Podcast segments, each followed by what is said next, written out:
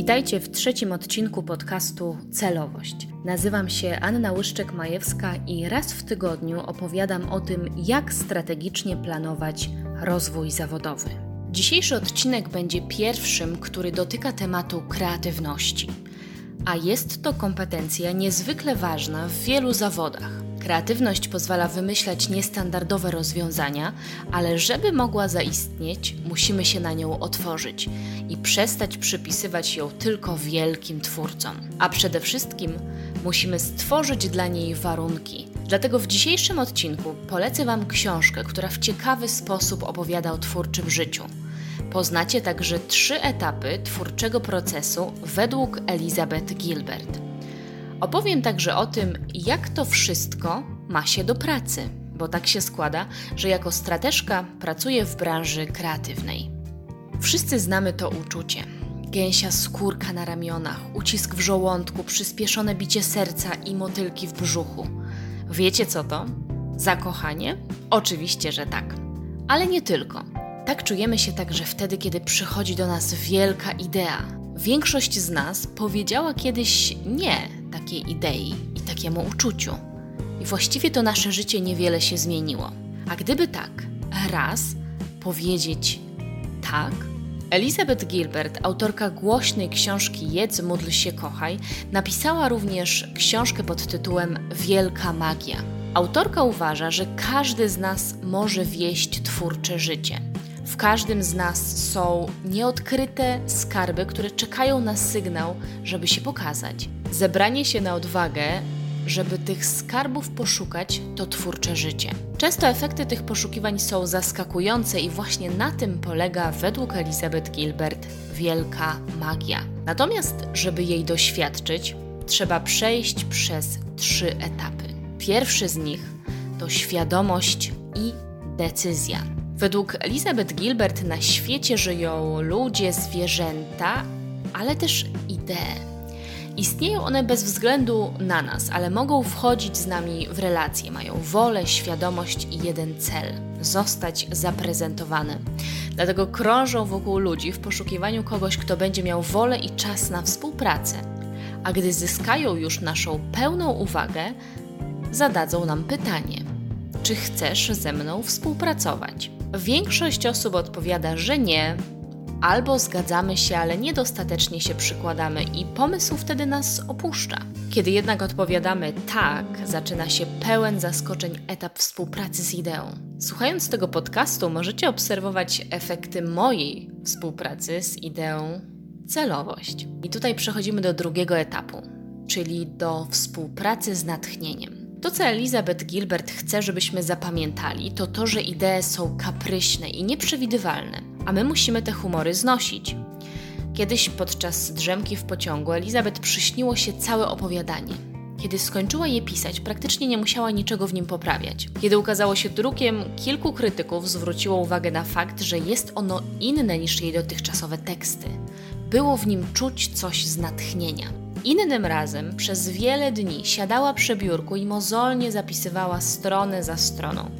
Twierdziła, że natchnienie pewnie siedzi gdzieś z boku i przygląda się jej, żeby sprawdzić, czy traktuje ten pomysł poważnie. Traktowała. Dlatego siedziała godzinami i pisała, nie czekając, aż ta magiczna moc napisze coś za nią. Trzeci krok tego twórczego procesu to jest wielki bal. Wielki bal, na którym trzeba pokazać swoje dzieło światu. Elizabeth Gilbert tłumaczy wagę tego etapu używając pewnej historii o chłopaku, który był początkującym malarzem i za wszystkie swoje oszczędności wyjechał do Francji po to, żeby znaleźć się jak najbliżej swoich mistrzów. Codziennie malował, zwiedzał muzea. Pewnego dnia spotkał czarujących młodych arystokratów, którzy zaprosili go na bal maskowy w zamku. Podekscytowany przez cały tydzień pracował nad kostiumem. Kiedy przyjechał na przyjęcie, dumnie trzymał podniesioną głowę i dopiero wtedy uświadomił sobie, jaki błąd popełnił. Był to bal kostiumowy, ale tematem był średniowieczny dwór, a on przebrał się za homara. W pierwszej chwili chciał uciec, ale stwierdził, że ten kostium to jest jego dzieło i musi pokazać je światu, takie jakie ono jest. Kiedy ktoś wreszcie nie wytrzymał i zapytał, za kogo się przebrał, odpowiedział: Jestem dworskim homarem. Zrobił wszystko, co mógł, przy wiedzy, jaką miał, w czasie, jaki miał. Został zaproszony, żeby pokazać swoje dzieło i nie uciekł. Elizabeth Gilbert na końcu tej historii zostawia nas z taką myślą, że jeśli na coś ciężko pracujemy, to nie możemy pozwolić, żeby ominął nas bal.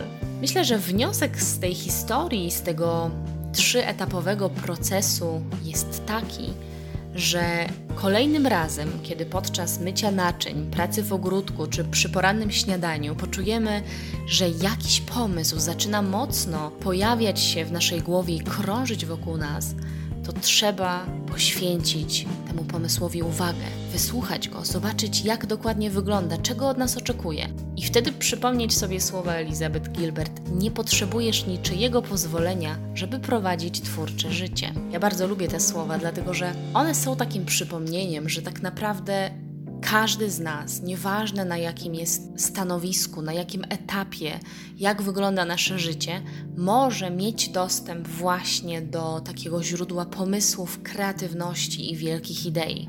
Zdaję sobie sprawę, że dla wielu osób ten język opowiadania o ideach, którym napisana jest wielka magia, może być trochę bajkowy, a może trochę infantylny. No bo jak to jest, że to idea do nas przychodzi i chce być zrealizowana?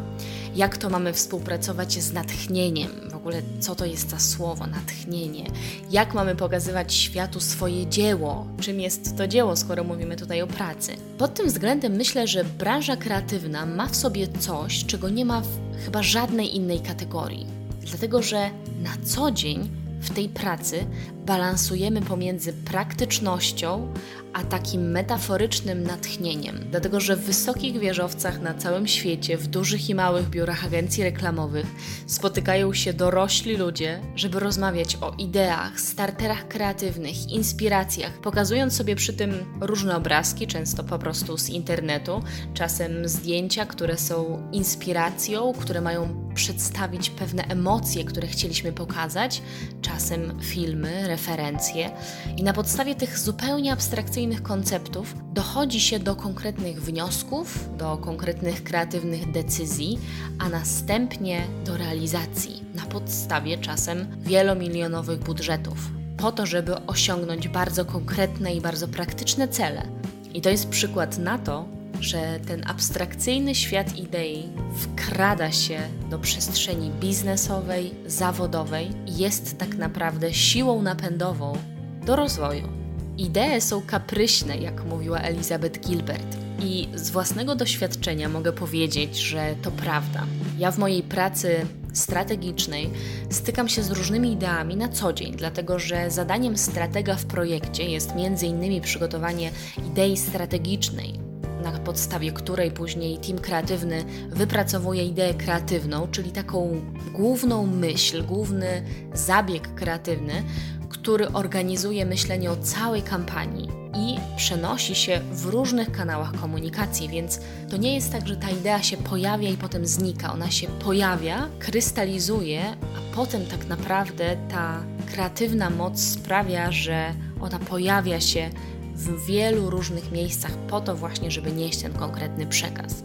I tak to właśnie z zupełnie abstrakcyjnego świata wielkiej magii przeszliśmy do bardzo konkretnego świata codziennej pracy, właśnie chociażby w branży kreatywnej. Tym odcinkiem chcę Was zachęcić do większej uważności na pomysły i idee, które do Was przychodzą, niezależnie od zawodu Idee mają dużą moc, jeżeli wejdziemy z nimi we współpracę. Czasami mogą otworzyć nam kolejny etap zawodowy, wskazać nowy kierunek rozwoju albo dać początek nowemu biznesowi. Biorąc pod uwagę, że mamy sierpień i dni są jeszcze długie, warto znaleźć chwilę, żeby popatrzeć w dal, popatrzeć w niebo albo pójść na długi spacer i posłuchać, jakie idee jakie pomysły do nas się dobijają. To był trzeci odcinek podcastu Celowość, czyli strategicznych opowieści o rozwoju zawodowym. Na kolejny zapraszam w następną niedzielę.